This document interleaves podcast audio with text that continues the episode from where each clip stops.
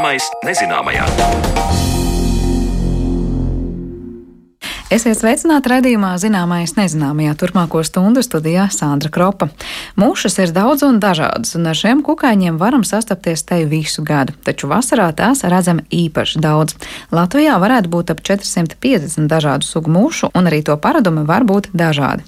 Par to, kāda tad ir mūšu daba un vai no mūšām Latvijā būtu jāuzmanās, runāsim raidījuma otrajā daļā, taču līdz tam par mirdzošajiem minerāliem alūksnē interesējās mana kolēģe Zana Lāce.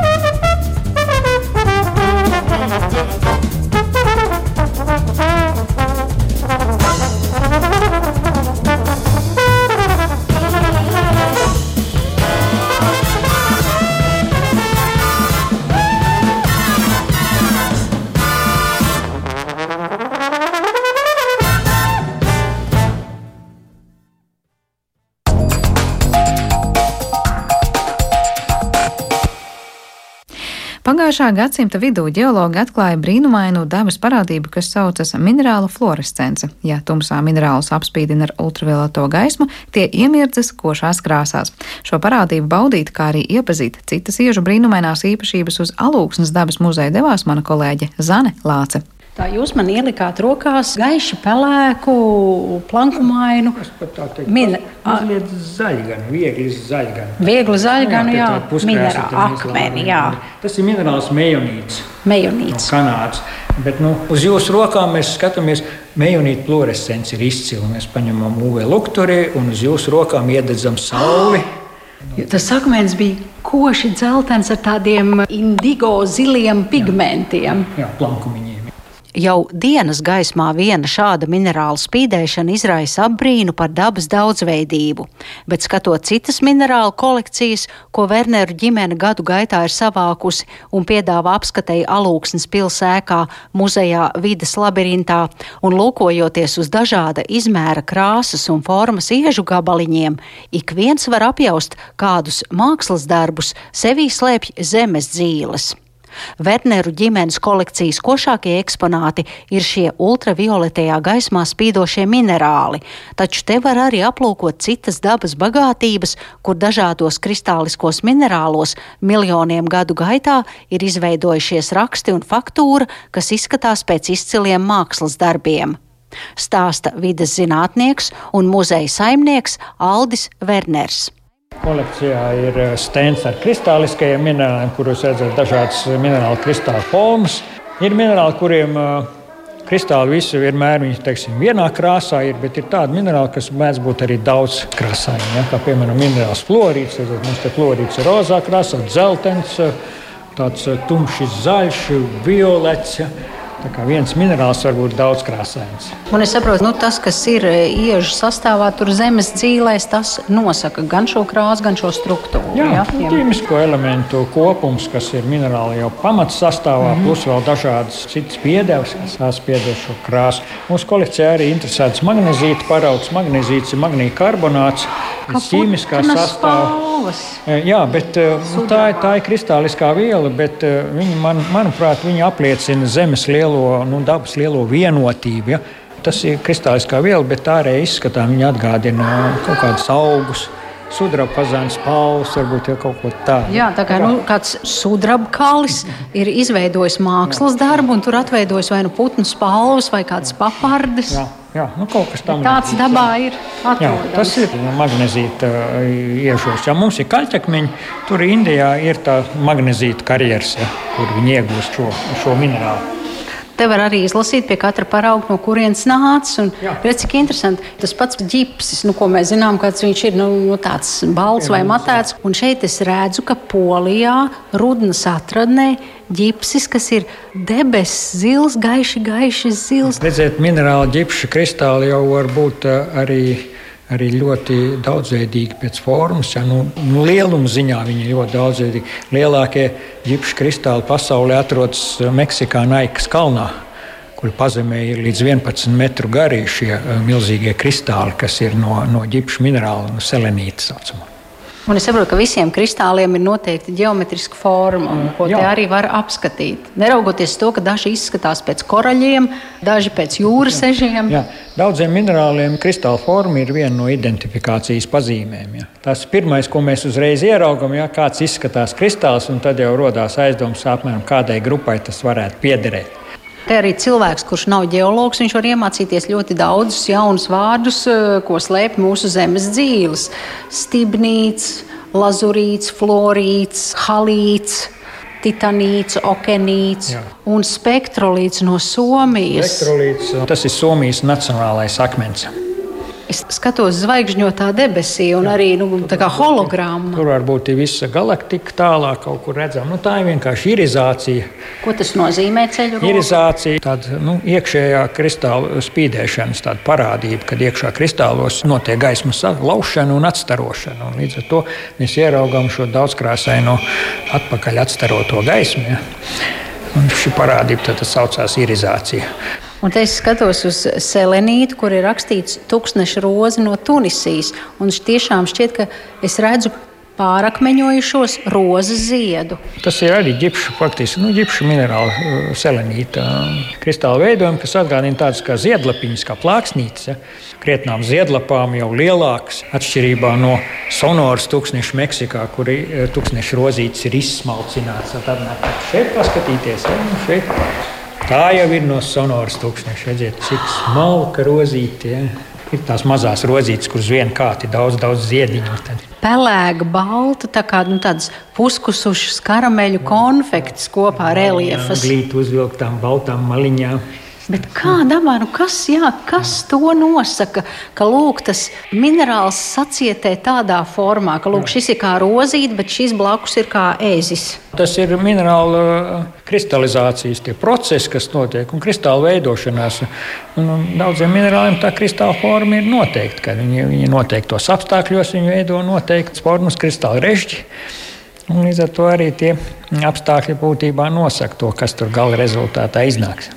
Bet es skatos, blakus tai tūkstneša rozītei no Meksikas ir eh, malahīts no Ķīnas. Es teiktu, jā, tāds eh, porains akmens, ko mm, kādi vandāļi vienkārši ar krāsu baloniņi ir nopūtuši eh, koši zilu un, un zaļu. Jā, Kas to pigmentu jā, dod? Jā, tur gan ir kopā divi minerāli. Tas azurīts, tas ir tas zilais, un malahīts ir tas zaļais.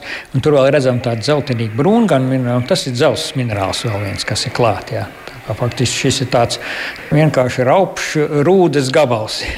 Abi šie minerāli ir izcila vara rūda, ja vara ieguvis eh, minerāli. Izmielojas acis gar daudzveidīgajiem minerāliem, kopā ar citiem vidas labirintu apmeklētājiem gaidu ekspozīcijas kulmināciju. Gaisma telpā tiek izslēgta, skan mūzika, un apmeklētāji gatavojas pārsteigumam.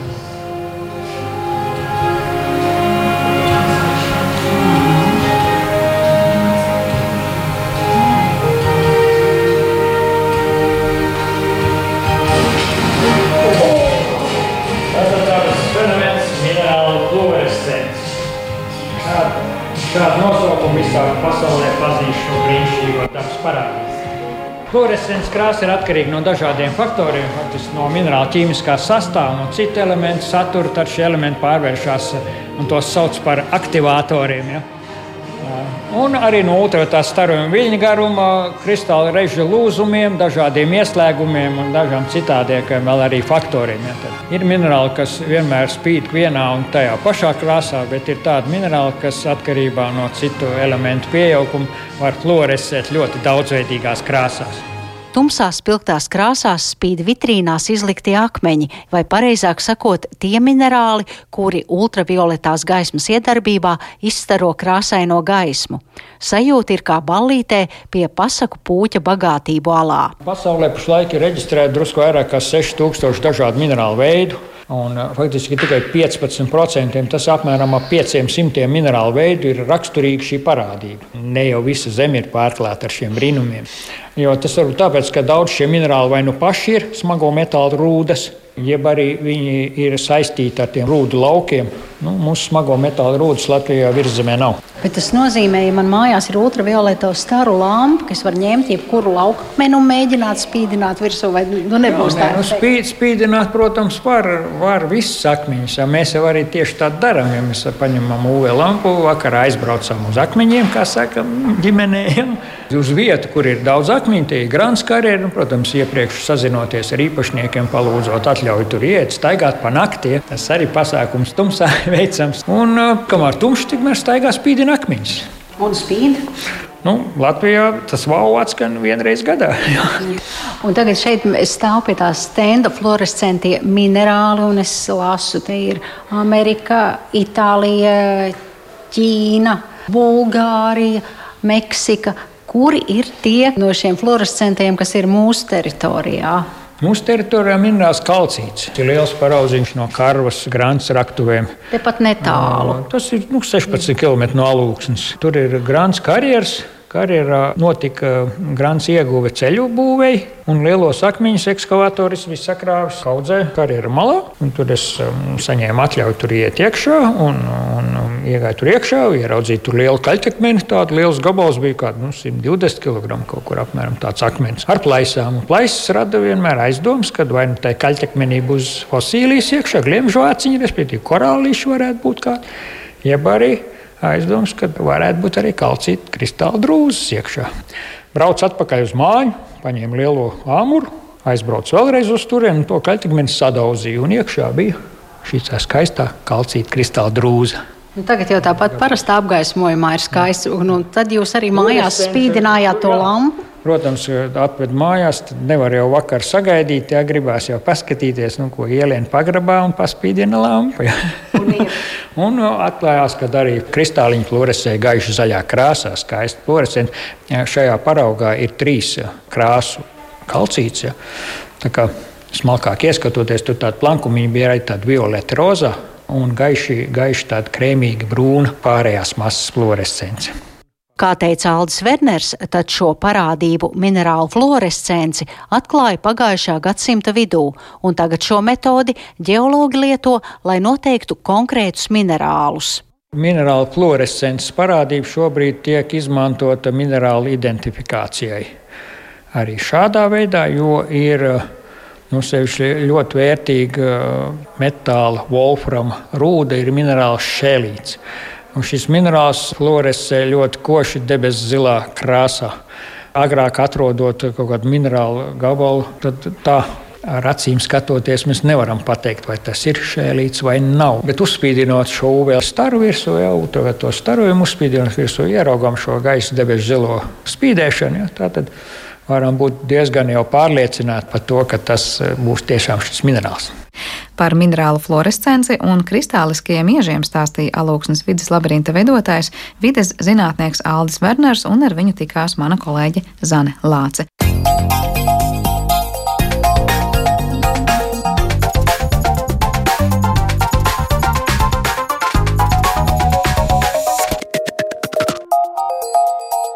Zināmais nezināmajā. Kā solīts raidījuma turpinājumā, saruna par to, cik daudz un dažādas ir mušas. Meklēsim atbildes uz jautājumiem par to, vai un kādas slimības šie kukaiņi pārnēsā, un arī to, kāds ir mušu pienesums ekosistēmai.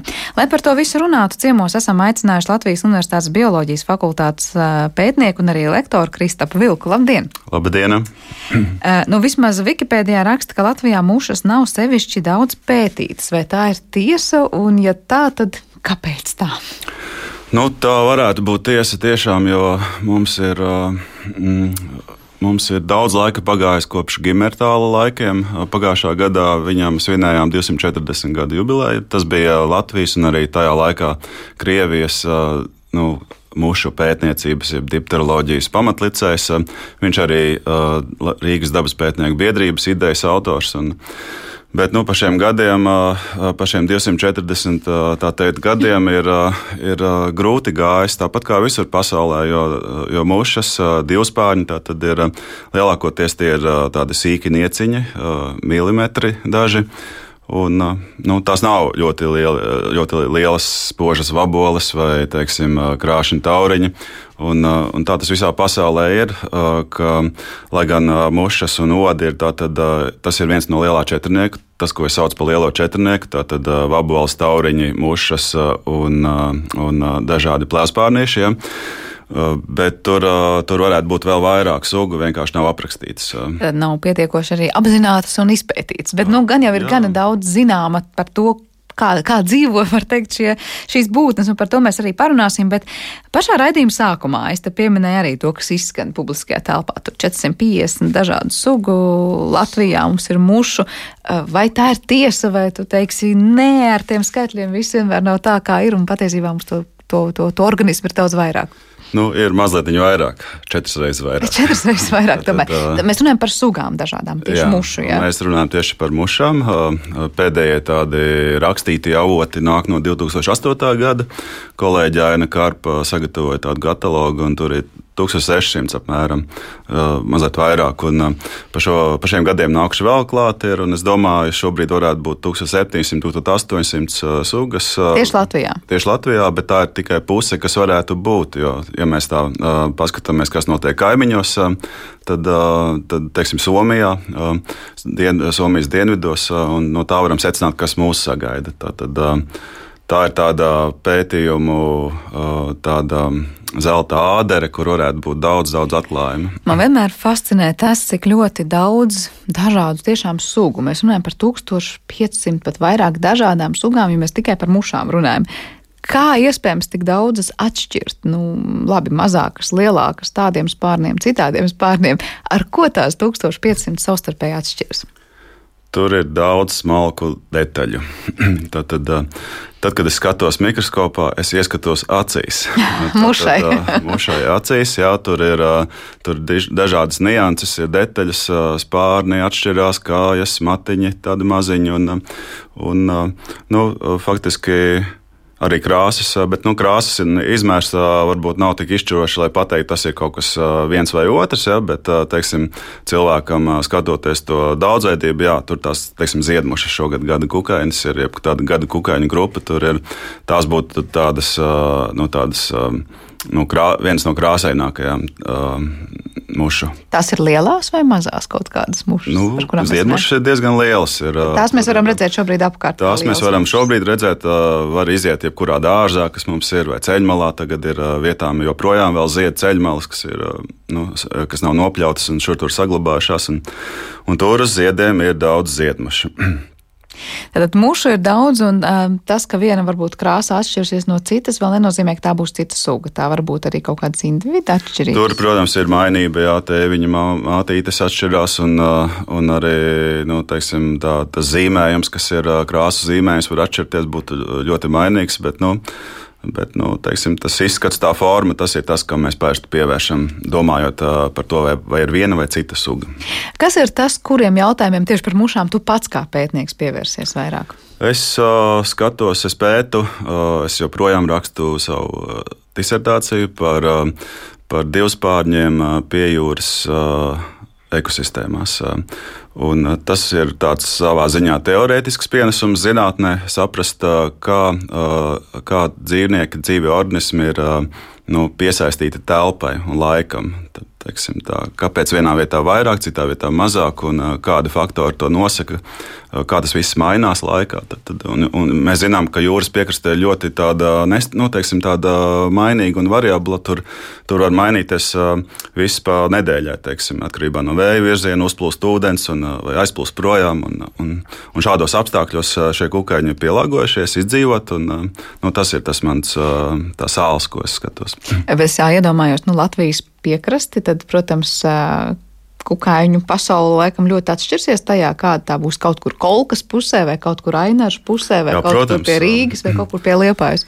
Protams, atšķirsies. Katrs posms ir atšķirīgs, un, teiksim, pie kolkas mums ir slapjās pludmales, kur ir tāds mitrs liedaks, tad ir ainaži, kā zināms, ko ieviži tur ir pļavas pat, pat jūras krastā. Un, nu, tāds Rīgas apkārtnē, smilšainas pludmales, tur, tur, tur būs pavisam kaut kas cits atkal. Jā. Kā ar akmeņainajām pludmalēm, tur būs vairāk vai mazāk to pētām? Nu, tur varētu būt uh, speciālisti vairāk, teiksim, tur starp tiem akmeņiem, uz akmeņiem aļģis aug, un tad, tad tur tādas interesantas vietas, kur viņām baroties. Un, jā. ja par pašām mušām runājam, es domāju, vairums klausītāju droši vien primāri iedomāsies mušas nu, kā kaut ko ļoti traucējošu, nevēlamu un kaut ko, no nu, kā jātiek vaļā vasaras laikā. Proti, nu, ka tu jūti, te ir kaut kas, kas var atnest slimības, mēs bieži sakām, kur ir jāuzmana, lai pēdienu nestaigā muša. Tu pēti tieši ekosistēmā tās lietas. Es, jā, es kur vairāk... ir tā? tā, ko, ko šis konkrētais organisms tajā kopīgajā mājā dod vai ko ņem, nu, ja tādā kontekstā mēs skatāmies? Nu, divspārņiem, divspārņi un mušas to skaitā bieži netiek novērtēti. Tātad tur ir, viņiem ir atvēlēta ļoti būtiska loma dabā pēc bitēm un, un teiksim, citiem plēspārņiem tieši divspārņu mušas ir otra nozīmīgākā apateksnētāja grupa. Uh, nu, tur ir, uh, mēs nevaram pārvērtēt šo nozīmi. Tātad tas būtu viens. Uh, bet kas ir vēl varbūt pat būtiskāk un par ko daudzi no mums neaizdomājās, ir tā atkritumu apsaimniekošanas jautājums dabā, kā daba to risina tieši ar dažādu mušu palīdzību. Tiklīdz kaut kas liekas, teiksim, parādās, nokļūst tā tā, tā divspārņu ir klāta un, un tā teikt, vaigas viedros strādā un cīnās, lai, lai tur mūsu pasauli nepārklātu tie atkritumi kas ir dabā. Nu, es domāju, teiksim, nu, no dabas vidas, kas nāk. Nu, piemēram, kaut kādas izskalotās aļu audzes. Aļģes vai... jūras krastā varētu būt viena lieta, teiksim, kaut, kāds, kaut kas nomirst, tur paliek. Jā, tā, tad, un tas viss tiek pārstrādāts un atgriezts tā teikt apritē. Un, un divspārņi ir tie, kas to dara tieši. Un, un, un, jā. Kā ar citiem kukaiņiem, nav tā, ka tur tajā brīdī mēs varētu teikt, nu labi, to dara vēl arī citi, un tur var teikt, mušas ir varbūt vienā brīdī mums arī atnes kādu piesārņojumu vai slimību. Jā, nu, tā, tad, tur ir tā problēma, ka, ka tie, tās mušas, kas, kas tur uz tiem atkritumiem dzīvojās, Viņām tomēr arī papildus ir jābarojas ar, ar cukuriem bagātām, nu, teiksim, bagātu barību, un tad viņas atlido pie cilvēku barības tad, ēdienu, tā teikt, un tad uz savām kājām aiznes kaut ko atnes mums, tā teikt. Jā.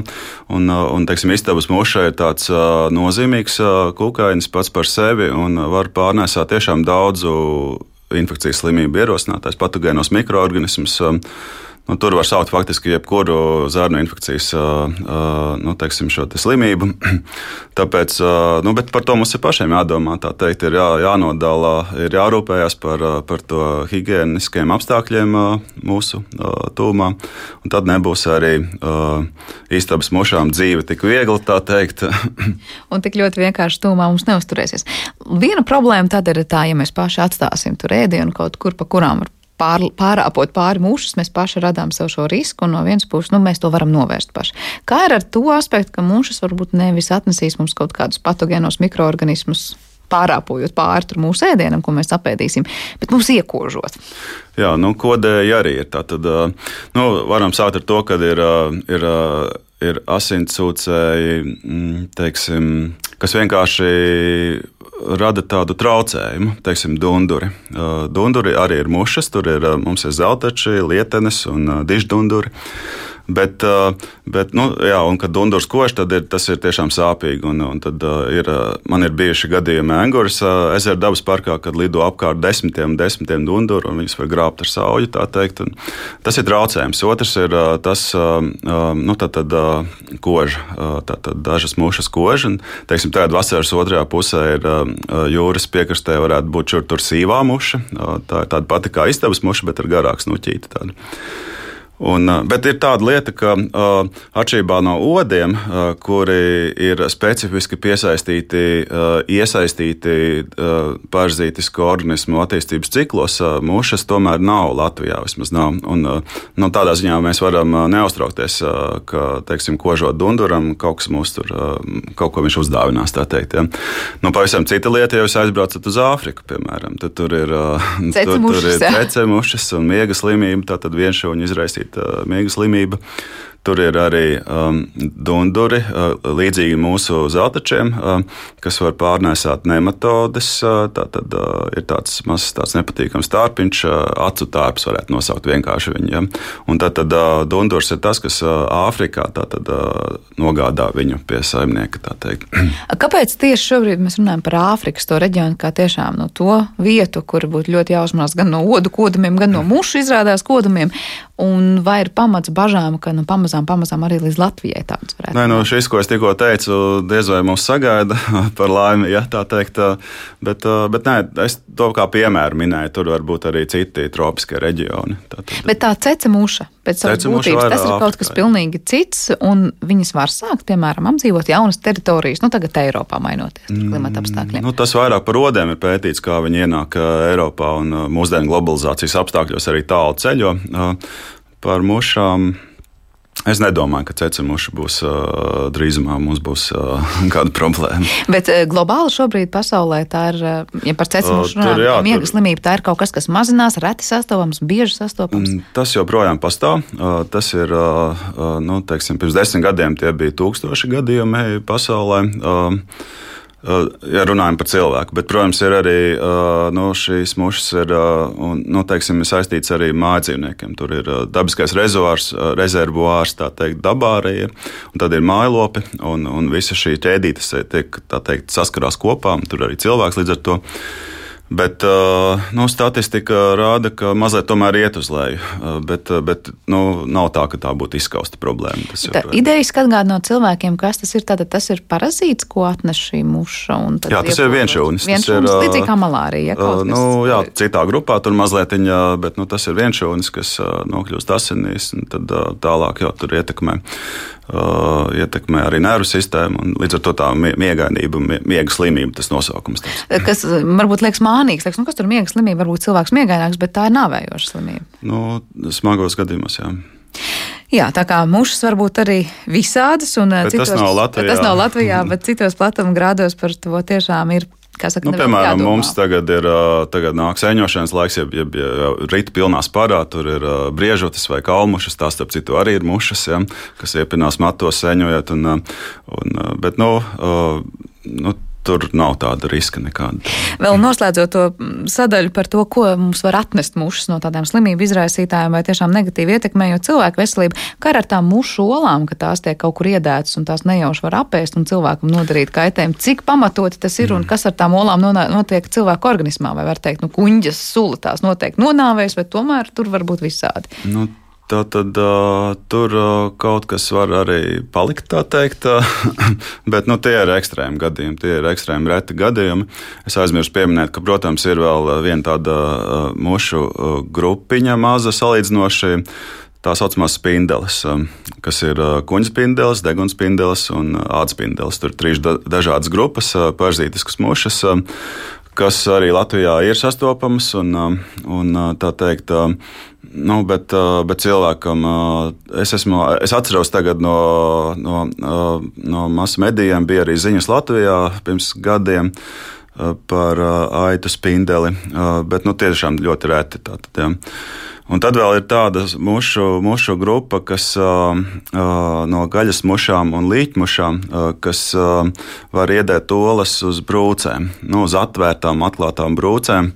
Un tad tie kāpuriņi uh, barojās vai nu no obligāti, vai fakultatīvi, tātad, uh, ja nu ir pieejams, ja, uh, tātad ar uh, šiem nekrotiskajiem audiem un ar uh, mikroorganismiem, kas tajos ir sastāvdaļā. Viņi paliek cilvēkā dzīvot pēc tam? Nē, tas notiek ļoti ātri, tās dažas dienas, kad viņš ir izaugt, tā teikt, visu attīstības ciklu nu, tāds uh, briesmīgs, briesmīgs gadījums. gadījums. bet tās ir lietas, par kurām nu, jāpadomā. Nu, jā, bet par, nu, tas, es domāju, tiešām arī ir, ir literatūrā, ir, tiek aprakstīti no Eiropas arī, ka tas uh, ik pa laikam gadās, bet nu, tas varētu būt tādos stipri antisanitāros apstākļos, un tad, kad nu, teiksim, mēs nerūpējamies medicīniski teikt, par tiem ievainojumiem. Par tiem ievainojumiem. Un, nu, jā, Dabā, protams, ir arī dzīvniekiem. Tas pats ir tas drīzāk vairāk skartu dzīvnieku pasauli. Tur ir turpat nonāk līdz tādām, tādiem, nu, teiksim, tādām pretrunām, ka mēs labi zinām, ka abinieki ēd kukaiņus, bet ir mušas, kas uzbrūk abiniekiem. Tā teikt, nu, krupjiem tur ir tāda viena, viena mušu suga, kas ir tāda briesmīgs ienaidnieks. Izklausās, ka nav neviena dzīvnieka, pat nezinu, suga pasargāt no tā, lai viens lielopiem, cits abiniekiem. Tā kā mušas ir specializējušās no, uz nu, visiem. Jā, es jau teicu, ka sākumā, kad lielākā daļa no tām mušām ir maziņa nieciņa un dzīvnieciņš ir mazs, un līdz ar to viņam patiesībā daudz resursu nevajag. Pietiek ar mazu resursu krikumiņu, un viņš tur var iziet savu attīstību, tā teikt, un, un, un līdz ar to nu, viņi ir ļoti specializējušies. Mušas nemētājas apkārt, tā teikt, šur un tur, bet viņas ir stingri, stingri Mērķēts, teiksim, viņas uzturās tur, kur viņām ir jābūt un kur ir optimālākie apstākļi. Un te ir tas fenomens par kukaiņu taustekli, par šo antenu, teiksim, nu, kā tās mušas atrod uzreiz visu. Faktiski nu, ļoti ātri viņas atrod. Teiksim. Cik daudz ir izzināts tas, kas ir aiz tā taustekļa? Kā, kā tas, nu, darbojas? tas ir pētīts daudz, tāpat arī citām kukaiņu grupām teiksim, ir tādas krāšņbolas, kas tos uguns dūmu smāžu novērtē. Mušām tāpat tās ir, tas taustiklīts ir skatīts, bet, nu, Tur, protams, var atrast jaunas, jaunumus. Daudz, daudz kā ko pētīt. Cik daudz ir izzināts tas, kā mušas sajūt to, kas notiek apkārt? Es tagad nerunāju tikai par to tausteklīti, bet, piemēram, nu, es domāju, ik viens, kurš ir mēģinājis aizgāņāt vai nosist mušu, Tas nemaz nav tik vienkārši. Liekas, tu nāc tuvāk, un muša jau ir aizlidojusi. Ar rodiem tā nav. Kas ir mušām tas, kas mm, ļauj sajust to, kas nu, notiek? Tā viņām ir ļoti laba redze. tā ir redze, kas, viņas, nu, kas Viņā... mūs nodod precīzāk viņiem tuvojoties. Mušām ir ļoti laba redze, tā teikt. Un, un, un, Nu, teiksim, mums Latvijā lielākā muša ir uh, kuprainā cēlmuša. Tas ir tāds 3 cm kukainis mums Latvijā. Ja?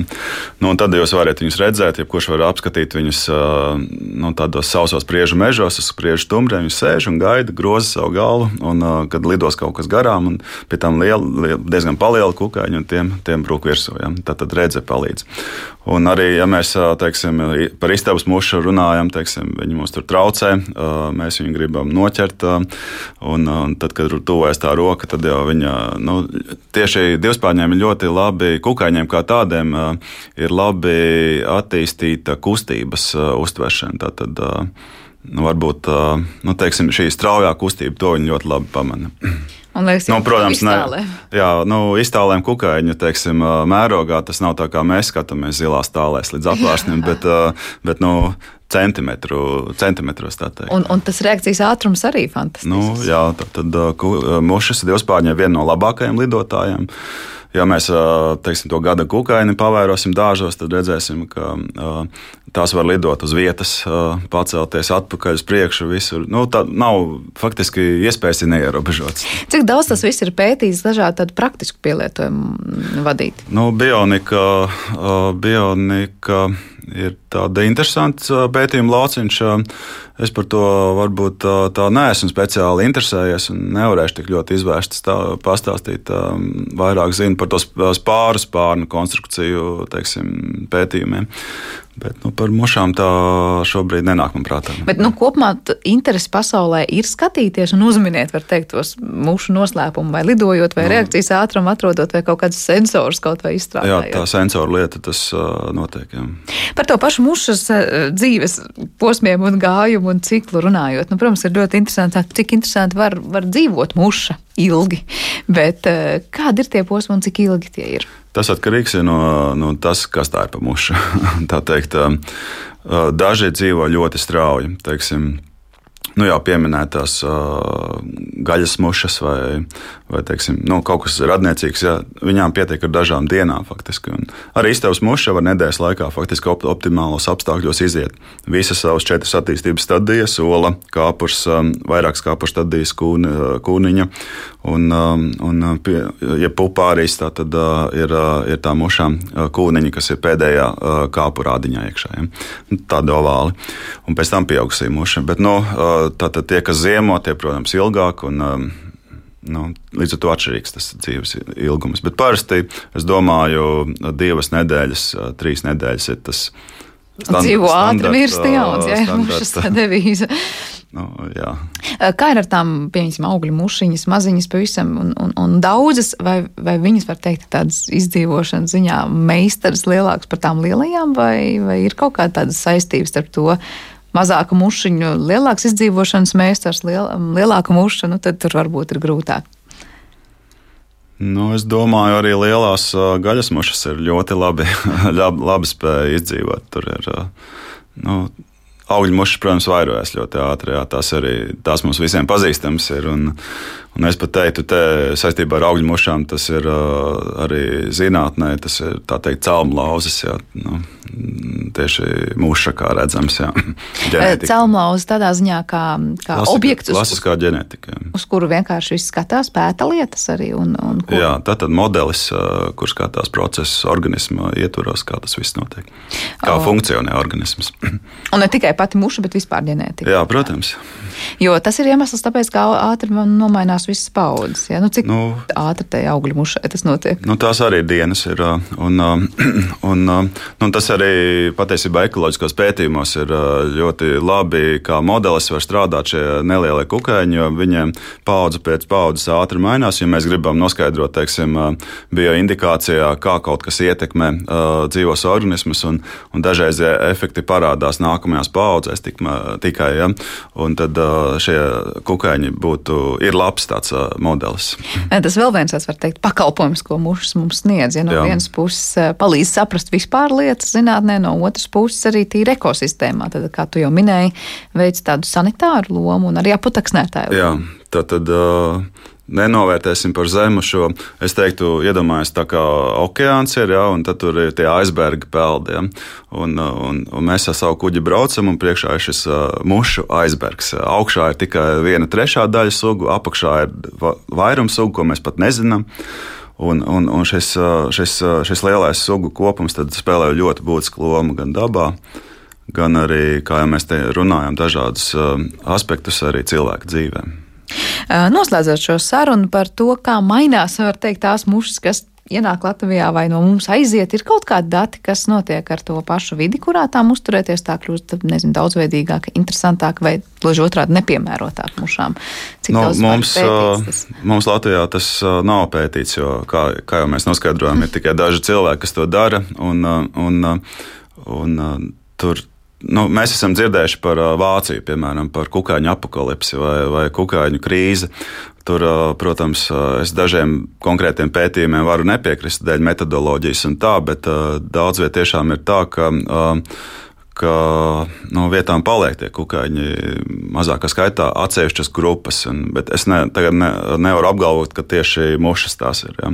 Jā, bet neaizmirsīsim, ka tajā brīdī, kad mēs runājam par kukaiņu nepieciešamību pasaulē, tur arī liela loma ir tieši mušām. Jā, jo viņas ir vēl iepriekš neminēju, ka nu, viņas taču ir piramīdas apakšā. Ar viņām barojās citi dzīvnieki un, un tā ķēdīte aiziet uz priekšu nu, teiksim, kukaiņaidāji putni, tur divspārņi, ir būtiska barības bāze. Līdz ar to nu, dabā viss saistīts savā starpā. Viss ir saistīts un vienkārši tāpat no konteksta izraut neko nevaram. To es saprotu, pēti piekrastes reģionus un skaties, kas tur ir no mušām un mušām līdzīgajiem. Kā ir ar taviem kolēģiem, un vai var teikt, nu, kas ir tās galvenās lietas, par ko Latvijā jūs mēģināt saprast mušu, mušu kontekstā, kas notiek, vai tikai uzskaitīt, kas ir, kas nav, vai ir citi jautājumi? Nu, tur, protams, ir, tur ir pētījumi, ir arī, kas ir mērķēti uz konkrētām sugām. Teiksim. Nu, mēs droši vien nevaram iedziļināties visās detaļās. Tur ir augu kaitēkļi, piemēram, atsevišķas sugas. Tad ar to nu, teiksim, būtu labi saprast, kā viņus ierobežot un kā teiksim, cīnīties. Un tad, ir, tad ir iespējas izmantot mušas. Tātad, uh, nu, faktiski tiesu medicīnā, tādos kriminālistikā tas tiek darīts pasaulē. Tātad, izmantojot mušas, mēs iegūstam pierādījumus kaut kādus, ko var izmantot. Kādā veidā tas notiek? Un tā tad muša, kas atlido uz tā mirušā cilvēka, kas ir varbūt nu, kaut kāds gadījums, ir, un, un tad atrodot, atrodot tos kukaiņus, kas ir pie tā mirušā cilvēka, mēs varam izsacināt laiku, kad viņš tur ir nu, teiksim, nokļuvis, parādījies vai viņš ir atvests, vai viņ, tas, tas nu, tā, nu, notikums ir bijis uz vietas, teikt. Pēc tam, balstoties līknēs, kas saistītas ar temperatūru un zinot kāpuriņu augšanas ātrumu, var nu, rekonstruēt tos laikus, tas malka zinām. Tā oh, tiešām nu, neier, neierast uzreiz tāds pavērsiens, padomājot par to, kur tās mušas var teikt, klātesošas un pētījumos. Vēl, šāds ja? vēl virziens. Bet pašam tev liekas, ka mušas pētīt ir vērts, ir interesanti, un tas vēl ir tās lauks, kas ir nenovērtēts Latvijā? Nu, tas ir nenovērtēts visā pasaulē, tā teikt. Un, un mēs, mēs runājam faktiski par da, bioloģisko daudzveidību, par dabas daudzveidību. Bet Katra, katra, katrs piektais dzīv, katrs, katra piektā dzīvnieku suga pasaulē ir uh, muša vai divspārnis. Un, ja mēs par viņiem nezinām vai maz zinām, Ko mēs vispār zinām? Tā teikt, tad radās tāds uh, retorisks jautājums. Un, un līdz ar to jā, uh, tad, tad, uh, šis, uh, šis lauciņš ir tāds. Uh, grūts, sarežģīts, jo tur ir uh, daudz uh, laika ir nepieciešams, lai nu, teiksim, norientētos, iegūtu tā, tā, tās uh, prasmes, saprast, atšķirt viņas. Un, bet nu, ļoti būtisks, būtisks virziens. Jā, nu kā tu teici, atšķirt, man liekas, tas vien ir izaicinājums tajā lielajā daudzveidībā saprast, kas ir viena suga un, kā saka, nepieskaitīt kādu citādāku īpatni kā jaunu sugu kādai citai klāt. Lai veicas turpmākos pētījumos un cerams, ka mušu pētnieku mums Latvijā kļūs vairāk un mēs arvien jaunu uzzināsim par šiem dzīvniekiem. Liels paldies par šo sarunu. Dzirdējām Latvijas Universitātes bioloģijas fakultātes pētnieku un lektoru Kristapu Vilku šodien raidījumu zināmais nezināmajā studijā. Ar to arī raidījums ir izskanējis un par to parūpējās producents Armīta Kolāte. Mūzikas redaktors šai stundai bija Girds Bišs, skaņu režijā bija Reinas Būdze un studijā Sandra Kroba. Mēs tiekamies jau atkal rīt. Visu labu!